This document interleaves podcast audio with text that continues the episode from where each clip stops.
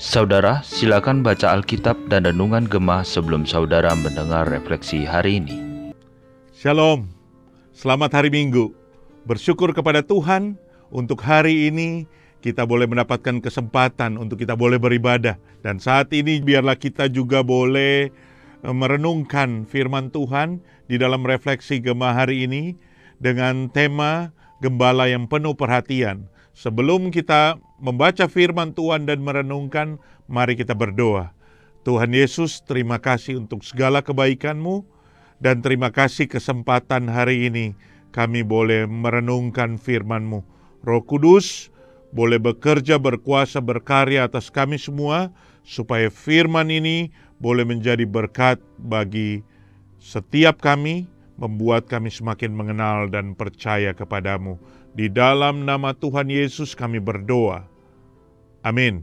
Firman Tuhan hari ini diambil dari Yohanes pasal 14. Kita akan membaca ayat 1 dan ayatnya yang ke-27. Ayat 1 berkata demikian. Janganlah gelisah hatimu, percayalah kepada Allah, percayalah juga kepadaku.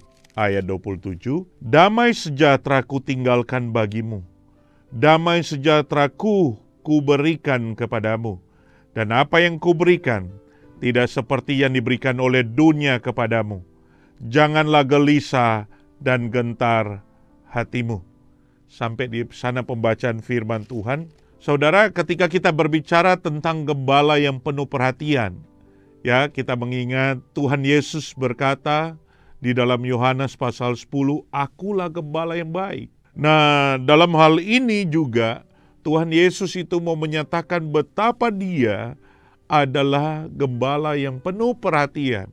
Di sini dikatakan dimulai dengan satu kebenaran yang mengatakan bahwa jangan gelisah hatimu. Dan di dalam ayat 27 di sana juga dikatakan jangan gelisah hatimu. Nah, di dalam bagian ini kita sebetulnya melihat suatu kebenaran-kebenaran yang indah yang Tuhan mau nyatakan kepada murid-murid Tuhan Yesus pada saat itu, tetapi juga kepada saudara dan saya pada saat ini. Ketika Tuhan Yesus berkata, "Jangan gelisah hatimu," Tuhan Yesus melanjutkan dengan perkataan, "Percayalah kepada Allah, percayalah kepadaku." Tuhan Yesus meminta untuk kita mempercayai Dia, mempercayai Allah, dan mempercayai dirinya.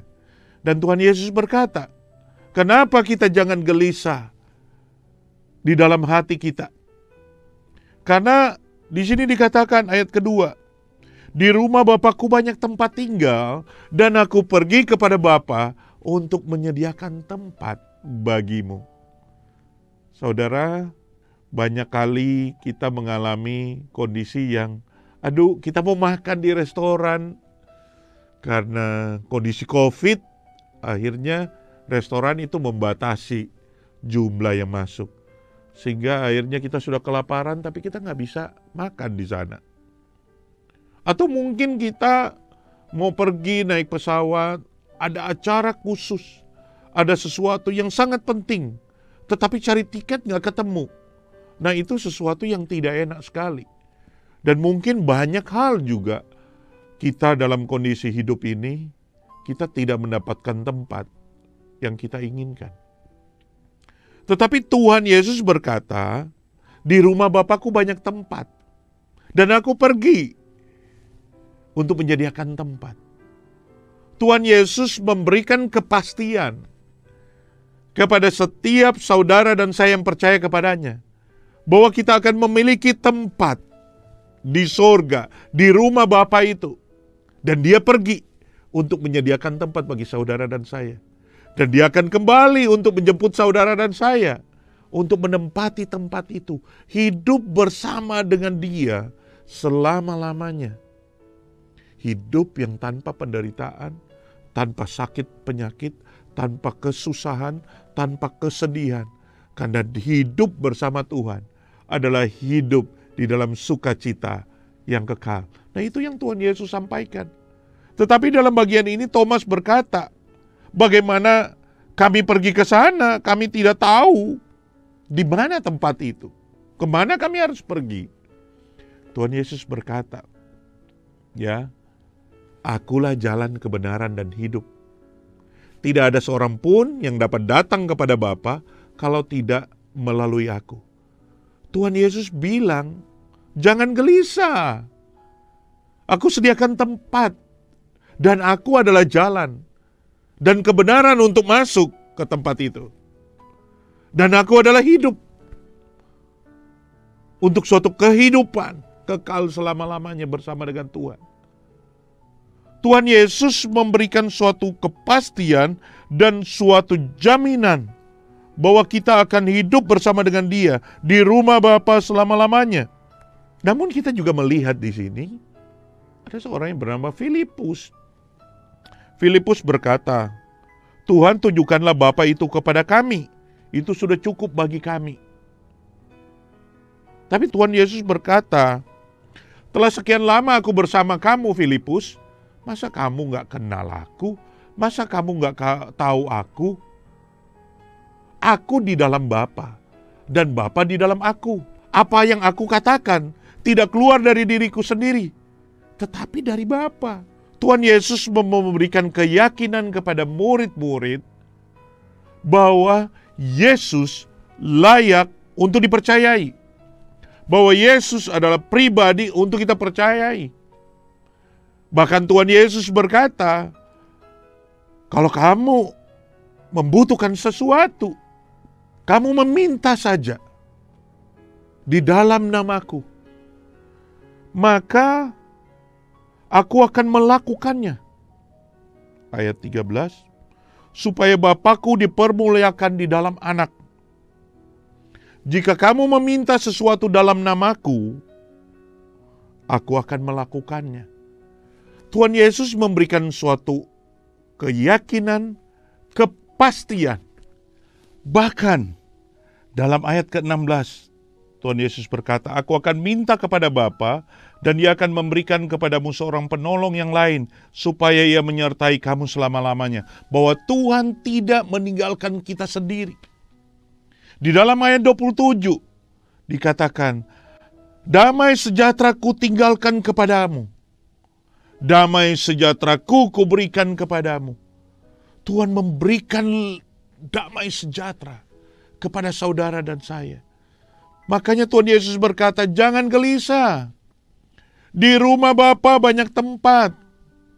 Akulah jalan kebenaran dan hidup untuk pergi ke rumah Bapa itu. Karena aku di dalam Bapa dan Bapa di dalam aku. Dan kalau kamu meminta di dalam namaku, aku akan melakukannya. Dan aku mengirim penolong yang lain. Aku juga memberikan damai sejahtera kepadamu. Saudara luar biasa sekali perhatian daripada gembala kita yang baik itu. Gembala agung itu, Tuhan Yesus Kristus. Jangan gelisah. Apa pun pergumulan saudara, apa pun kesulitan saudara, Tuhan Yesus tidak pernah meninggalkanmu. Dia mengasihimu.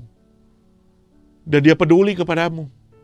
Bahkan di momen-momen paling kelam dalam hidupmu. Mungkin dia sedang menggendong engkau. Yang kita perlu adalah percayalah kepadanya. Dengan segenap hatimu. Segenap jiwamu. Segenap akal budimu segenap keberadaan hidupmu. Dan nantikanlah Tuhan berkarya. Amin. Kita berdoa.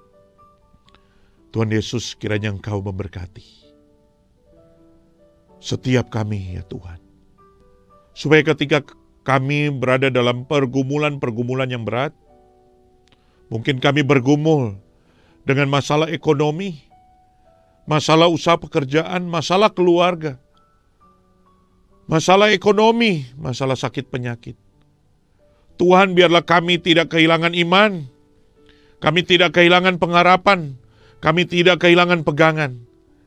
Tapi kami ingat bahwa kami punya gembala yang baik, yang penuh perhatian. Yang selalu akan menyertai kami, memberikan yang terbaik dan memberikan pertolongan kepada kami. Inilah doa kami ya Tuhan.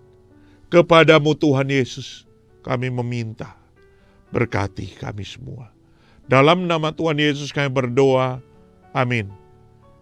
Tetap semangat, tetap percaya. Tuhan Yesus memberkati. Amin.